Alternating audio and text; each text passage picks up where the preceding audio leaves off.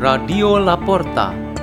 The door is open for you for the growing of knowledge and wisdom of God. Delivered by Father Peter Tukan SDB from Salesian Don Bosco, Gerak in Labuan Bajo, Diocese of Ruteng, Indonesia.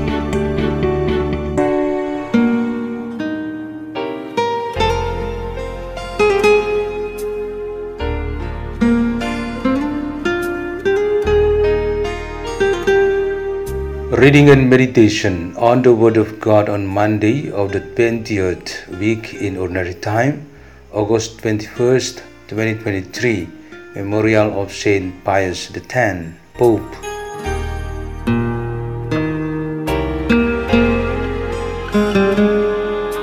A reading is taken from the Holy Gospel according to Matthew chapter 19, verses 16 to 22.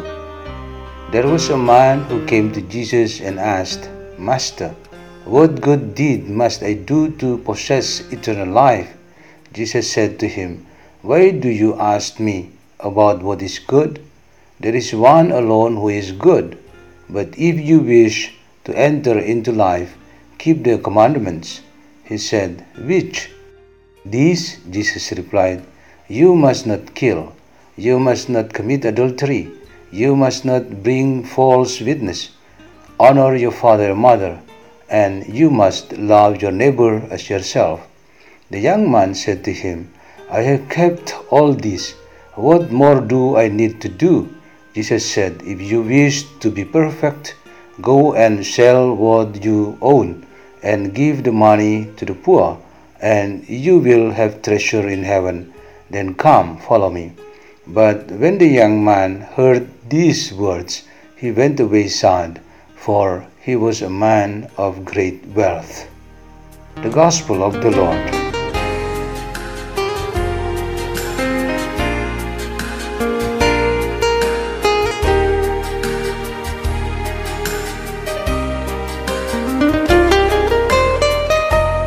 The theme for our meditation today is a substitute of all and every treasure. Today, the whole church commemorates Saint Pius X, Pope, who reminds us of the universal church and her leaders. Church leaders want to make all members faithful to Jesus Christ as the ultimate treasure. The experience of the Israelites who always fell into worshipping idols and thus was punished by God is now also a concern of church leaders. Pope and church leaders everywhere have a big duty in this era to guard and guide their people so they don't choose the idols of this era of the world, then finally forget God. The idols that are highly worshipped today are money and possessions. The obsession of treasure of this world departs from the human heart. Wherever the human heart is, there is the treasure. This is the problem of the man described in today's gospel. His heart was attached, leaned on, filled, covered, and melted with all the treasure of the world that he had, like money, houses, livestock, land, gold, even the people who were with him.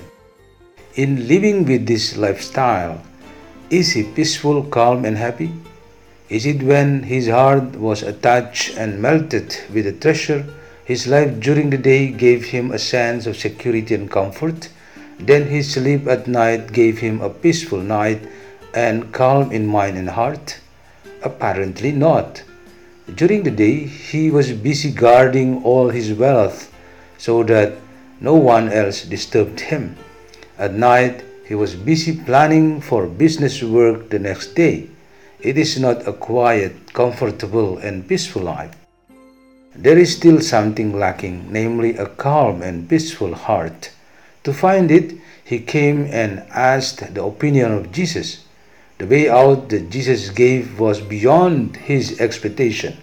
What he was so busy all this time, the treasure where his heart rested, had to be left or let go.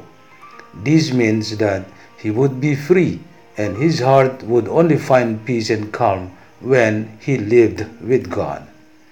So the solution from the Lord Jesus is not only for that man, but also for all of us. That is, the substitute for all and every treasure is God Himself. If we are happy, if we agree and accept this solution, then what will come up within us would be 1. We are not sad, sorry, angry, and disappointed if one or several of our possessions are given up for other people's use, or they are lost or thrown away because they are no longer useful. 2. Replacing the orientation and direction of our hearts, namely walking after Jesus, hearing His voice, seeing His simplicity, and living His style, of course, with the treasures of the world that we have as a complement. And the third, living with Jesus in the sense that after forming ourselves like Jesus, we try to renew this world so that it also follows Christ. Let us pray. In the name of the Father, and of the Son, and of the Holy Spirit, Amen. O Lord Jesus Christ, strengthen us to always make yourself our main treasure, which will surely direct our entire lives to the path of truth that you have taught us. Glory to the Father, and to the Son, and to the Holy Spirit, as it was in the beginning, is now, and ever shall be, world without end. Amen. In the name of the Father, and of the Son, and of the Holy Spirit. Amen. Radio La Porta. The door is open for you.